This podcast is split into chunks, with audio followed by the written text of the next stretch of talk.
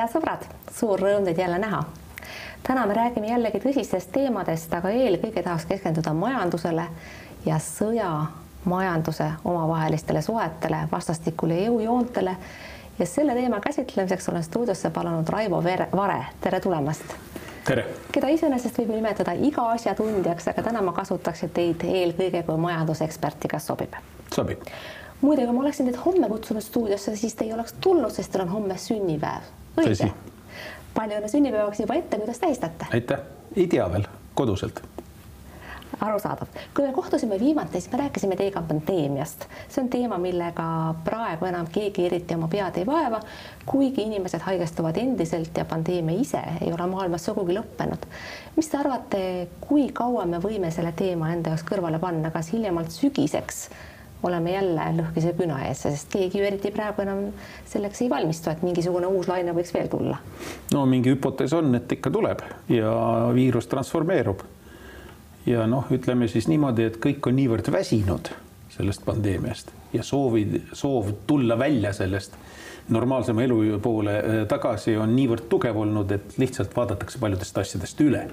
ja kui me nüüd äh, ajaksime näpuga järge, kuidas näiteks riigid on kasutanud piiranguid pandeemiaga seoses, siis ka praeguste numbrite juures, mis hetkel veel on, peaks olema piiranguid palju-palju rohkem, kui neid on. nii et ma arvan, et me lihtsalt kohaneme ja see on täiesti normaalne seisund. inimkond on iga viiekümne aasta tagant läbinud ühe pandeemia faasi tegelikult läbi ajaloo laias laastus. noh, siia-sinna natukene mõned aastad, aga põhimõtteliselt see suurusjärk viiskümmend aastat ja on kogu aeg ikka sellest välja tulnud, nii et ei ole põhjust väga muretseda, aga muidugi sellega tuleb arvestada, et mingisugused retsessioonid võivad või tagasilöögid võivad tegelikult muidugi sügisel veel tulla. vähemalt osa teadlasi arvab nii, sest noh, viiruse käitumisloogika on selline. Aga võib-olla ei tule, järsku ei olegi enam muret vaja, sest tavaliselt on see aeg kuskil kuni kolm aastat. noh, nüüd ongi see hakkama varsti täis saama no ei tea, kuidas läheb, enne kui me jõuame majanduse juurde ja selle juurde, kuidas me kõik vaesemaks jääme, sest vaevalt, et teiegi midagi muud väidaksite, tahaks rääkida ikkagi paar sõna sõjast, sest see on tegelikult see, mis majandusele kõige rohkem mõju avaldab ja kindlasti kuulasite teiegi väga tähelepanelikult eile Putini kõnet ja vaatasite, mis toimus Punasel väljakul. see kõne äh, oli mitmeski mõttes üllatav, ei kasutatud seal pariidi, paraadil Z-märke, ei ennustatud äh, tulevikku selles mõttes, et Putin ei öelnud välja midagi uut ei kuulutatud välja üldmobilisatsiooni ega isegi mitte ametlikult sõda Ukrainale, mis järeldused selleks teha? no tegelikult oli see madalaprofiililine kõne. See oli siis katse nii-öelda kinnistada neid kuvandeid, mis on loodud, millest kogu see sõjahüsteeria tegelikult ka alguse sai.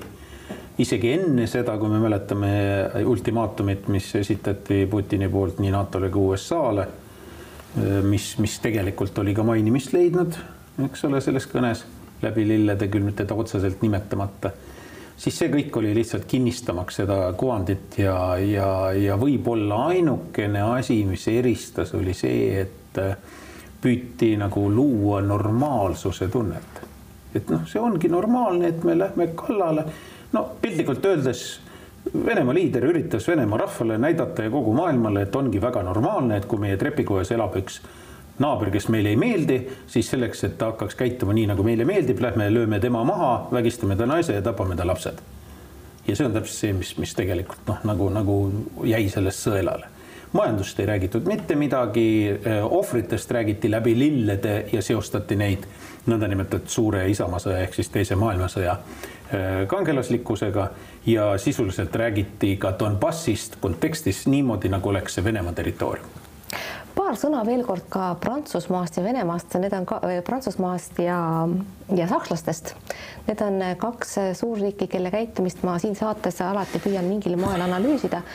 Macron on hiljaaegu nüüd välja tulnud uue kontseptsiooniga Euroopast ja Kristi Raik, Eesti silmapaistvamaid julgeolekueksperte, on juba andnud ka mõista, et Macroni kontseptsioon meile kindlasti sobima ei saa, sest see annab ukrainlastele liiga vähe lootust, olete samal seisukohal?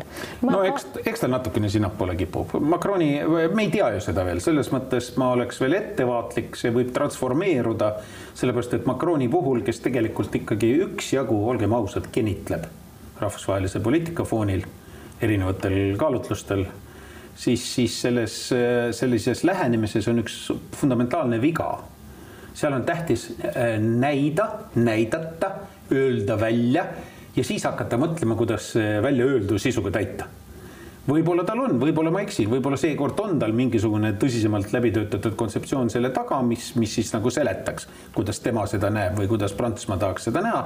mina ütleks praegu niimoodi, et sellest kumab läbi esiteks Prantsusmaa soov võtta üle vabaks jäänud Euroopa äh, liidri positsioon, mis oli enne sakslastel Frau Merkeli ajal ja nüüd on tühjaks jäänud sest selge see, et praegune Saksa valitsus seda täita ja Saksamaa ei suuda erinevatel põhjustel ja teiseks võib-olla siis ka mingisugune leida see vormel, mis aitaks äh, äh, aitaks tasakaalustada sealhulgas ka sisepoliitiliselt kaks voolu. üks on siis selline, kuhu meiegi kuulume, on selline noh, avatud ja Euroopa arenguvool, Euroopa laienemise loogikast lähtuv ja teine on siis selline vool, mis on väga tugev Lääne-Euroopas ja mis on muuseas Prantsusmaal väga tugev, ärgem unustagem, et Prantsusmaal parem- ja vasakpoolsed äärmuslased said peaaegu viiskümmend protsenti häältest tegelikult nad said kokkuvõttes isegi rohkem kui Macron esimesse vooru. ometi võitis Macron valimised. jah, õnneks, sellepärast et see vasakpoolsed läksid ka Macroni taha ja tegelikult ikkagi, kui vaadata puhtalt numbriliselt siis, siis seitse protsenti tuli hääli juurde Le Penile ja seitse protsenti vähenes Macroni häälte hulk. nii see oli, Macronile saavad kindlasti olema keerulised ajad. paar sõna ka sakslastest, enne kui läheme puhtalt majanduse juurde. Scholz ja, ja tema partei ja, te, ja teisedki Saksamaa poliitikud on kogenud erakordselt palju kriitikat, kuna nende energiasõltuvus Vene Venemaast on suur ja sellise, selle leevendamine või muutmine käib väga aeglaselt ja sakslased saavad asjadest teistmoodi aru, juba viidatud siis Merkeli pärandi pärast, aga ka muudel ajaloolistel põhjustel. kas teie meelest praegu on sakslased lõpuks siis aru saanud asjadest seoses Vene-Ukraina sõjaga, nii nagu meie, või on nad ikka selle poole alles teel, kas nad üldse samasse punkti jõuavad? teel on, teel on vähemalt osa sakslasi ja siin on nagu selgelt kolm, isegi valitsuskoalitsiooni tasemel on näha kolme erinevat suhtumist, rohelised on täiesti nagu kohal, ütleme niimoodi. vabad demokraadid on täna ärihuvide pärast mures ja sellepärast on ettevaatlikud ja tahaksid teha ainult väikseid samme igaks juhuks. ja sotsidel muidugi väga äh, segab neid nende minevik, noh, olgem ikka ausad, kogu see äh, positiivse hõlmamise programm, et agressorit saab rahustada maha sellega, et seada ta vastastikku sõltuvusse meist ja siis ta midagi ette ei võta, lihtsustatult tähendas see seda, see programm võeti ju tegelikult vastu sotside ajal tuhat üheksasada seitsekümmend neli. nii et laias laastus see on sellest ajast peale kestnud nii-öelda poliitika, millest taandumine on väga keeruline, mis on väga institutsionaalselt läbi põimunud väga paljude asjaoludega, kaasa arvatud ka isiklike sidemetega. seesama palju kirjutatud Schröder ju tegelikult on ju ikkagi teatud mõttes vaimne isa, mentor või, või endine ülemus või kolleeg praktiliselt kogu tänasele sotsiaal demokraatliku partei ladvikule, kõikidele neile, nii Scholzidele kui Steinmeieritele, nagu me teame, need olid lähedased kaastöötajad temal. ja see mõju on tal ikka veel olemas ja selle mõtteviisi mõju läbi tema ja, ja temaga paralleelselt on väga tugev. ja sellest loobumine võtab aega, samas me oleme näinud, et noh, et ega tegelikult ju see protsess muutumine on hakanud, nad on teel see on samasugune asi nagu Rootsi sotside ja NATO vahekord. eks ole, aga jõuame majanduse juurde inflatsiooninumbrid värsked ligemale kakskümmend protsenti aprillis. see on midagi säärast, mida pole väga ammu näinud ja loodetavasti ei ole see nõnda järgmistel kuudel, aga see on midagi, millega me peame elama, et inflatsioon on kõrge. ja nagu üks majandusanalüütik nimega Tarmo Tanilas on päris tabavalt öelnud, me oleme vaesumise kiirteel. kas on siis võimalik, et me ikkagi nüüd lähemas tulevikus kohtume mõne lavama politseiniku või mõne muu takistusega, mis seda vaesumise kiirust natukene maha võtaks või on siit edasi ainult pea ees kuristikku kihutada? no alustame sellest, et ega inflatsioon ei ole meie ainumure. inflatsioon on tegelikult kogu arenenud maailma mure täna ja mitte ainult arenenud, ka arengumaailma mure. ja igal pool on see täna probleemiks. miks see on, makromajanduslikud põhjused, väga palju see on seotud tegelikult selle meeletu rahatrükiga mis on seda selgelt nii-öelda kiirendanud, seda inflatsioonilist protsessi. ja kui ta väga kaua nii-öelda reaalmajandusse erinevatel tehnilistel põhjustel ei jõudnud, siis nüüd ta on jõudnud nüüd me näeme seda hindades. ja sõda võimendab omalt poolt. ja kõike. sõda võimendab omalt poolt ja logistikaprobleemid võimeldavad omalt poolt, mis ikka veel kestavad, muuseas mitte sõja pärast, vaid ikka veel pandeemia järelmitena. ja nii edasi, nii edasi, me võime öelda, et on perfektse tormiaeg, kus on mitu erinevat kriisi üksteise selga tulnud ja selle tõttu me oleme nagu raskemas olukorras ja inflatsioon sealhulgas on üks tagajärgi, aga meie ülikõrge inflatsioon on natukene seotud meie enda majanduse eripäradega ja meie nii-öelda arenguastmega. me oleme väga liiga suur osakaal on meil tegelikult tarbimiskorvis eelkõige on, on energiakandjatel ja toidul. ja see loomulikult piitsutab seda numbrit kõrgemaks kui teistel, nii lihtne see ongi no,. kui me see... võtame praegu ümbruskonna, siis ümbruskonnas isegi on ju tegelikult kahekordselt väiksemad numbrid kõikidel riikidel peale kelle, peale lätlaste ja peale leedukate, venelastest. Ma ei räägi, neil on see sõjamõju ja sanktsioonide mõju ja seal on numbrid veel kõrgemad, aga tegelikult aasta lõpuks kindlasti on hullem pilt, aga, aga need kaks koos meiega on kolm kokku, kolm Balti väiksed majandused, järelevõtvad majandused, kõik ühesuguse sarnase tarbimisstruktuuriga. Ja me olemegi sellises olukorras. Ja muuseas inflatsioon järelevõtvates majandustes, aga me oleme järelevõttev majandus, catching up economy, nagu seda öeldakse rahvusvahelises terminoloogias. kõigil on alati natukene kõrgem, kui on nende rohkem arenenud majandusega naabritel aga ta ei saa olla kordades kõrgem, ta ei saa kaks korda, kaks ja pool korda kõrgem. no aga mida peaks ikkagi hakkama nüüd peale keskmine Eesti pere, kelle, kus näiteks mõlemad täiskasvanud on palgatöölised, elavad palgapäevast palgapäevani nii-öelda peost suhu ja kellel ei ole väga suuri sääste, millega kompenseerida siis näiteks toidukorvi kallinemist või energiahindade tõusu, mis nad peaksid peale hakkama, eeldusel, et inflatsioon võib-olla ei põruta edasi samas tempos, aga ta siiski ju päevapealt kuhugi ei kao, mis, mis saaks teha? no tavaliselt on kaks strateegiat et kui on mingisugustki ressursi ülejääki võimalik tekitada või on ta olemas, siis sellisel juhul tavaliselt üritatakse seda paigutada mingitesse varadesse, millel on pikaajaline väärtus.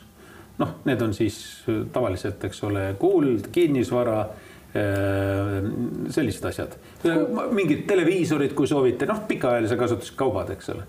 ja siis, äh, aga kui sellist raha ei ole, siis tegelikult muud strateegiat kui kokkuhoid ei ole olemas kokkuhoid, kokkuhoid, kokkuhoid, midagi teha ei ole. ökonomiseerimine nimetatakse seda. ökonomiseerida tuleb firmadel. ökonomiseerida tuleb isikutel, üksikisikutel, inimestel ja see on keeruline, sest me oleme vahepeal harjunud natuke paremate aegadega. tõepoolest ja siin tekivad varem või hiljem ka poliitilised probleemid, sest äh, need inimesed, kellel ei ole midagi kõrvale pandud ja kes kõhu kõrvalt rohkem kokku hoida ei jõua, hakkavad varem või hiljem vaatama riigi poole ja see on omakorda poliitilistele parteidele võimalus.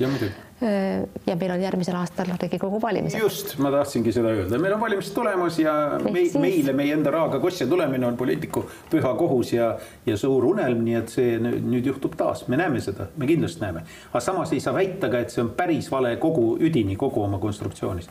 kuskil tuleb ka teha mööndusi, näiteks eh, ma arvan, et kõige raskemas olukorras olevatele inimestele tulebki abi osutada sõna otseses mõttes füüsiliselt tulebki osutada mingit abi, aga noh, kuhu see jõuab, kui kaugele sellega saab minna, kuidas seda targalt teha. Selge see, et mingit raha külvamist helikopterilt ei tohi teha jällegi makromajanduslikel põhjustel, see hoopis piitsutab ülesse. kiusatus ilmselt tekib. aga kiusatus tekib ja see on, see on väljakutse, see on täiesti väljakutse ja ma arvan, et äh, on ka selliseid võtteid, mida me ei taha rääkida, millest meil ei ole nagu kombeks rääkida erinevatel poliitilistel kaalutlustel, aga need võtted on ju ka teada. ega alati ei ole ju küsimus selles, et sa pead andma raha juurde selleks, et inimene toime tuleks. Sest sellel on alati ka see kaasefekt, et natukene ta ikkagi aitab hinnatõusule jätkuvalt kaasa. on ka variante, kus hoopis alandatakse nii-öelda võimaluse piires olemasolevat hinnataset. Nende instrumentidega, mis on riigi käsutuses, millisteks valdavalt on ju tegelikult maksud tõepoolest, need teemad ilmselt kerkivad. inflatsiooni juurde veel kord tagasi, teie olete hoiatanud stagflatsiooni ohu eest ja, ja sellele on viidanud, viidanud ka päris mitmed teised analüütikud. olge hea, selgitage inimesele, kes ei tea, mida see sõna tähendab ja milles see oht täpselt seisneb. No see oht seisneb selles, et tekib selline olukord, kus tähendab, tavaline majandusareng on selline, et korraga areneb majandus ja tõusevad ka hinnad, alati koos arenguga tõusevad hinnad aga see toimub mingis korrelatsioonis. nüüd äh, inflatsioonilises olukorras tekib olukord, kus tegelikult majandus äh, nagu ei tõuse samas tempos, kus, kuidas tõusevad hinnad, mida me praegu näeme ja nüüd stagflatsioon on veel halvem variant, see on selline variant, mida kõik makroökonomistid vihkavad. see on selline variant, kus majandus ei kasva. kus tegelikult jääb asi seisma piltlikult öeldes samale tasemele, võib isegi kukkuda. aga samal ajal hinnad lähevad ikka ülesse ja see on teatud perfektse tormi olukorra nii-öelda kokkulangevuste puhul võimalik ja seda on juhtunud. Jaapanis põhimõtteliselt oli see ligi kakskümmend aastat praktiliselt selline olukord, nii et ei ole kuskil öeldud, et meil ei võiks juhtuda. ja just nimelt Euroopa Liidus kardetakse seda, et meil majandus tegelikult ei kasva. riigieelarvet see ei puuduta muuseas, riigieelarve tänu inflatsioonile, mis samal ajal toimib, kasvab jätkuvalt, aga majandus enam ei kasva. ja tegelikult nii-öelda tarbimismahud stagneeruvad. ja kui nad üldse kasvavad, siis ainult nii-öelda inflatsiooni tõttu ja see on hästi halb, sellepärast et sellises olukorras noh, piltlikult öeldes meie majandusmudel eeldab, et turgu saab juurde aga sealt ei ole kuskilt turgu juurde saada, seal turg, turg tõmbab kokku ja siis tuleb rohkem võidelda selle järelejääva turu eest kui enne. Vaatame korra seda olukorda ka tööjõuturu seisukohalt, sest äh, praegu siseneb Eesti tööjõuturule päris suur hulk ukrainlasi, kes ju parima stsenaariumi kohaselt võiksid hakata panustama Eesti majanduskasvu. Ja, ja, ja nii see eeldatavasti ka on päris paljudes sektorites, kuid see positiivne stsenaarium realiseerub ilmselt osas majanduses, aga mitte terves majanduses. ehk see positiivne mõju jaguneb ebaühtlaselt. absoluutselt, esiteks on see seotud juba dekvalifitseeriva keeleoskuse teemaga. midagi ei ole teha, suures osas majandusest on vaja seda keeleoskust, mida täna paraku valdavalt pole olemas, arusaadavatel täiesti põhjustel.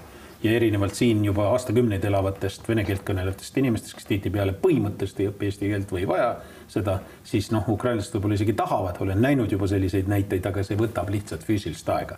Ja seetõttu nad ei saa teha seda tööd, mida võiksid kvalifikatsiooni mõttes. teiseks, nende siin viibimine on ikka suures osas ajutine, nii või naa ja ma siin üsna hiljuti käisin ühel piirkondlikul arengukonverentsil äh, esinemas, kus minu poole pöördusid mitmed kohalikud tuntud ettevõtjad kes esitasid ühe ja sama küsimuse.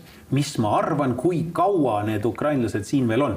et praegu on veel, pole viga, nad on siin praegu meil käepärast ja me saame siin teha asju, mis vahepeal kippusid toppama jääma aga meil on tunne, et nad ei jää siia kauaks. mis te arvate, kui kauaks nad siia jäävad, kui kaua sõda kestab, mitte sellepärast kaua sõda kestab, et sellepärast kaua siia inimesed jäävad, sest on selge, et kuni sõda kestab, nii kaua on tõenäosus suurem. kui sõda lõpeb, siis tõenäosus on väiksem, inimesed suuremalt jaolt lähevad tõenäoliselt tagasi. kui on, kuhu minna? kui on muidugi, kuhu minna. mingi osa kindlasti ei saagi minna, ei tahagi minna, aga sellegipoolest noh, ütleme niimoodi, et väga pikaajalist arvestust ei saa selle peale rajada. aga kerge leevendus siiski on tekkinud seesama majanduse makromajanduslik situatsioon ehk siis inflatsioon, millest me kõnelesime. keskpangad on äh, juba siin võtmas oma meetmeid tarvitusele. Eesti Keskpanga peamine sõnum on seni olnud küll, et Putini hinnatõus tuleb lihtsalt ära kannatada, aga varem või hiljem hakkavad intressid tõusma, mis kaua on olnud väikesed ja hakkab tõusma ka Euribor. ja minu meelest on suhteliselt teadvustamata oht see, et mingil hetkel võivad kodulaenuvõtjad, keda meil Eestis on ju päris palju, seista olukorra ees, kus nad ei suuda võib-olla seniseid laenumakseid nii edukalt tasuda. ehk siis energiahindade kriis laieneb hoopis teistesse sektoritesse ja koduomanikud võivad olla sunnitud oma kodusid müüma. võib-olla ma liialdan, aga kuivõrd tõenäoline see oht teile tundub? no esiteks me äh, suuremalt jaolt meedias jälgime seda, mis toimub Fedi poolt äh, USA-s kui juhtivas majanduses ja seal see protsess on alanud juba, mida te kirjeldasite ja, ja nad on isegi välja kuulutanud pretsedenditult, ajalooliselt pretsedenditult, et kavatsevad ka järgmised kaks korda veel samamoodi tõsta poole protsendi kaupa baasintressi aga see on ikka veel tükk maad minna, nii et ütleme niimoodi, et kuni kolme-nelja protsendini see väga turgu ei mõjuta ja maksuvõimet turul samuti. meil aga Euroopas isegi seda veel ei juhtu lähiajal praeguse seisuga Lagardi suu läbi ehk siis Euroopa Keskpanga eh, pealiku suu läbi on tulnud selge seisukoht, et eh, juunini nad jätkavad varaostuprogramme ja sealt edasi hakkavad siis tõstma intressi, intressi nad tõenäoliselt nii järsult ka ei tõsta, nagu tõstavad eh, ameeriklased. Fedi poolt tõstetakse, mis tõenäoliselt tähendab seda, et nad aasta lõpuks tõstavad ka kahe või kolme korraga, tõstavad selle intressi ka võib-olla üle ühe protsendi ütleme niimoodi, et vahe tuleb sisse, mida te kirjeldasite võimaliku ohuna, tuleb siis, kui elamu eluasemelaenu intressid hakkavad olema viis ja pool ja rohkem protsenti, siis kipuvad need asjad juba hakkama mõjuma, kuni selle ajani on veel ruumi küll. ja põhjus, miks Euroopas nii on, sellepärast et lõunariikide pärast ei saa seda teha. ehk siis lähiaastatel, lähema paari aasta jooksul seda veel kartma ei pea? ma arvan, et üks paar aastat läheb aega, enne kui teoreetiliselt võidakse jõuda selle tasemeni, mis on juba ohusignaaliks. Vaatame veel kord sellist suuremat pilti. Euroopa Liit on andnud teada, Euroopa Liidu riigid soovivad vabaneda nii Vene gaasist kui ka naftast ja naftast loobumisest räägitakse juba järgmise aasta lõpuks, aga isegi selle, selles suhtes ei ole veel täielikku üksmeelt. mis te arvate, kas see saavutatakse? ei no üksmeel saavutatakse, aga selle hind on kompromiss.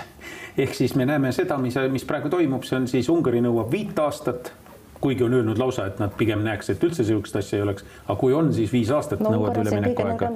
seal on omad põhjused, lisaks sellele Slovakid ja Tšehhid tahavad kolme aastat praeguse seisuga, nii et tõenäoliselt nad ka võivad selle saada. üks aasta on juba neile pakutud nii et noh, võib juhtuda, et, et see läheb nagu aeglasemalt ja juba on meil teada praeguse seisuga, et Kreeka ja Malta, kellel on väga suur osakaal laevanduse osas ehk siis Vene energiakandjate vedu laevadega on väga suures osas nende jaoks oluline, siis nende jaoks on ka tehtud mööndus, et nende laevadele neid piiranguid esialgu ei rakendata, mis olid kavas, et mis oleks väga võimas piirang olnud, et lihtsalt ükski laev ei tohi Vene asja vedada ja kogu lugu.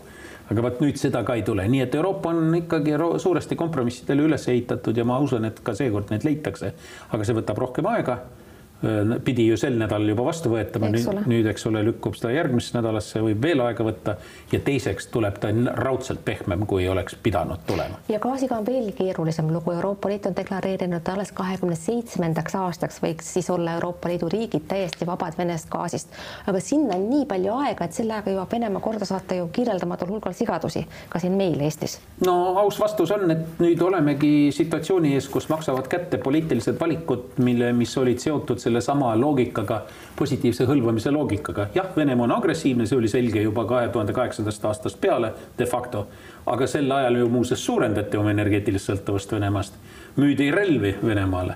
Ja täna me maksame Euroopas, maksame Venemaale iga jumala päev nelisada miljonit eh, eurot maksame selle eest, et nad meile gaasi annavad. Ja seitsesada miljonit eurot maksame selle eest iga päev, et nad meile naftat ja naftatooteid annavad, kui need kokku panna ja nüüd nafta kallale on mindud, aga minnakse nii pehmelt, et see tõenäoliselt see number jääb veel mingil kujul veel tükiks ajaks siin kõlkuma. aga noh, gaasi puhul saatejuhi jutt iseenesest juba annab aimdust, et me veel näeme seda, et see veel tükk aega tilgub ja see tõesti on vastuolu eetilis-moraalse, väärtusepõhise ja pragmaatilise reaalpoliitiki vahel eks ole, me näeme siin viimasel ajal, viimastel nädalatel avalikkuse ees rullumas lahti keerulist spektaaklit vastasseisu Eleringi ja Alexela omanike vendade häälte vahel. ja ausalt öeldes inimene, kes võib-olla ei jaga energeetikapoliitika tagamaasid, tal on võib-olla päris raske võib-olla otsustada, kes siis on õigupoolest head ja kes on pahad. kas on niimoodi, et paha Veskimägi tahab vendadele häältele tünga teha või on vennad hääled liiga ahned ja tahavad riigi pirukast saada liiga suurt tükki, liiga palju tagatisi selleks, et seda NLG terminali sinna rajada, mida me ju hädasti vajame, sest me tahame ometi energiasõltuvusest vabaneda. kes siin on need head ja kes need pahad?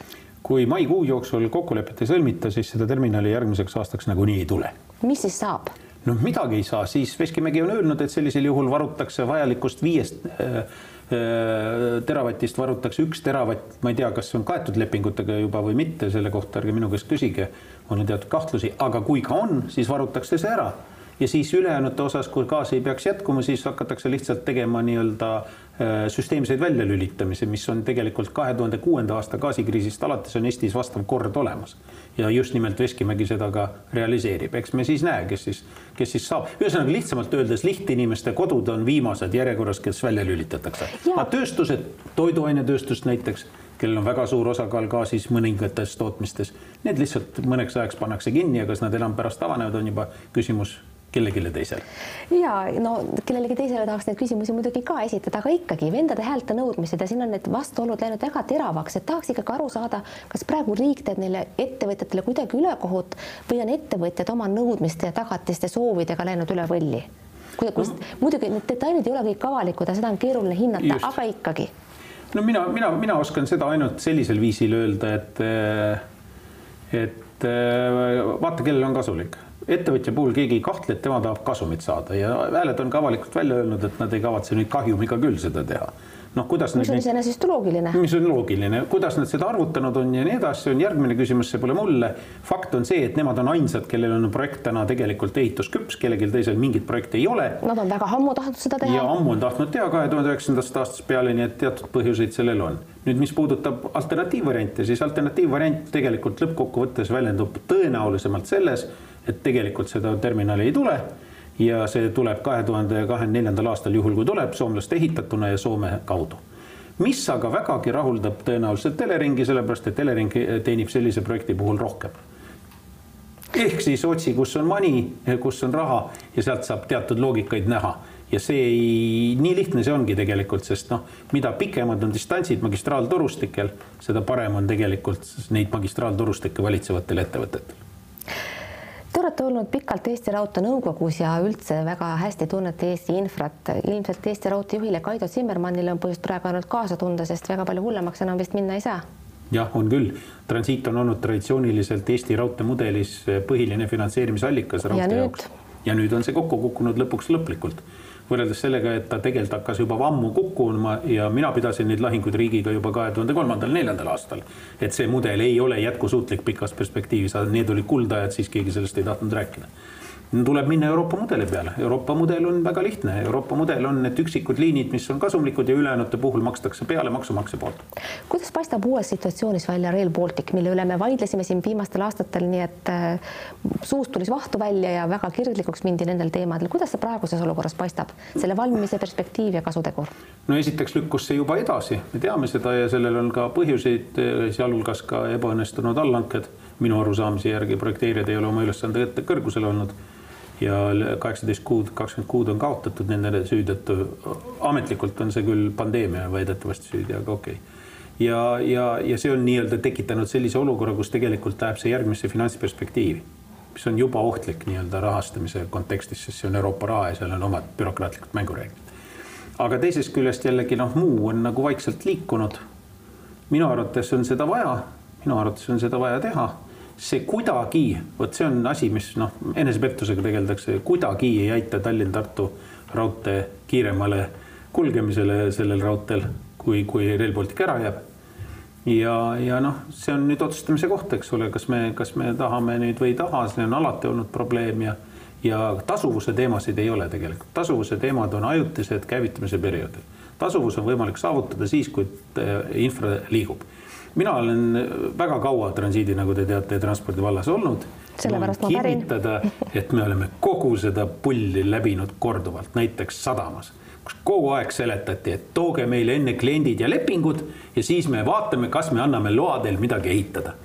ja tegelikult need asjad jäidki toppama nii, sest keegi ei tule enne, kui sul on juba kopp maas ja, ja ots paistab, et kohe hakkab tööle. siis võib-olla saad kliendi, enne klient ei tule, tal pole mingit põhjust tulla enne ja, ja tasuvused on kõikidel nendel objektidel, mis on ehitatud erinevatel põhjustel siiski ette, taristuobjektid on hakanud tööle ja on tasuvaks osutunud, nii ja siin on täpselt sama lugu, aga noh, see on selline lõpmatu vaidlus ja see kordub aastast aastasse. see on lõpmatu vaidlus tõepoolest, Raivo Vare lõpetuseks. eelmine kord, kui me selles saates kohtusime teiega, siis te tunnistasite ausalt, et teil ei ole mingit motivatsiooni poliitikasse tagasi minna ja uuesti näiteks saada ministriks või kellekski teiseks tähtsaks ja. ninaks riigistruktuurides. kuid ja te viitasite, et annate hea meelega nõu. missugust nõu annaksite te Kaja Kallase valitsusele? Praegu Kaja Kallast valitsusjuhina väga kiidetakse alles, aga kui koroonapandeemia alles lahti oli ja siis kritiseeriti teda väga palju ja varem või hiljem tuleb tal hakata uuesti tähelepanu pöörama sisepoliitilistele teemadele. missugust nõu te annaksite talle ajaks, kui see kätte jõuab? ma arvan, et äh, põhimõtteliselt kõige tähtsam on mõista, et valitsemine ongi kriisisituatsioonide lahendamine. ehk siis? Ehk siis see väide, mis kostus äh, mõni aeg tagasi, et valitseda ei saa, sest kogu aeg on mingi kriis ajab üksteist taga ja ei ole selleks aega, see ei ole asjakohane. kriisid ongi valitsemise äh, paratamatu nähtus ja kriisidega tegelemine. see on esiteks, neid tuleb lihtsalt osata. no te viitate konkreetsele tsitaadile, eks ole, mul on see meeles, aga. teiseks on vaja teha midagi, mis, mis puudutab nüüd praegu seda inflatsioonilöögi pehmendamist, midagi teha ei ole inflatsiooni ja selle kriisi löögi pehmendamiseks on väga palju teid, sellega tuleb lihtsalt füüsiliselt tegeleda. praegu on nagu selline lootus, et nähtamatu turu käsi sada protsenti kõik asjad lahendab ära, no ei lahenda. ja noh, kui me võtame sellesama gaasiterminali näite, no siin ei ole haisugi, eks ole, nähtamatust turu käest, vaid on hoopis üks teine käsi mis kuulub konkreetsetele isikutele ja firmadele, kes siis omavahel kaks kätt siis seal liigutavad. no mida saab valitsusjuht inflatsiooni vastu ette võtta? no miks ta ei saa, no kogu maksupoliitika ümbervaatamine inflatsiooni, eriti kõrge inflatsiooni tingimustes ajutiselt on täiesti võimalik. kas te usute, et valimiste eelsel teemal võiks maksupoliitika muutmine saadud, saada põhiteemaks? ma ei välista seda, aga valmisolekut seda tänases koalitsioonis eriti aretada tegelikult ei ole. arusaadav loodetavasti jõuame järgmine kord maksupoliitikani detailsemalt ja siis võib-olla on meil ka rohkem sisendit, kui valimiskampaania on käima läinud ja me saame arutada, missugused võimalikud valikud võiksid olla. täna aga lõpetame saate siia, Raivo Vare, aitäh, et tulite stuudiosse. head sõbrad, aitäh, et te vaatasite saadet, vaadake järgmist ka. see on juba järgmisel nädalal, elage vahepeal hästi, olge terved, kuulmiseni ja nägemiseni. Kuulmiseni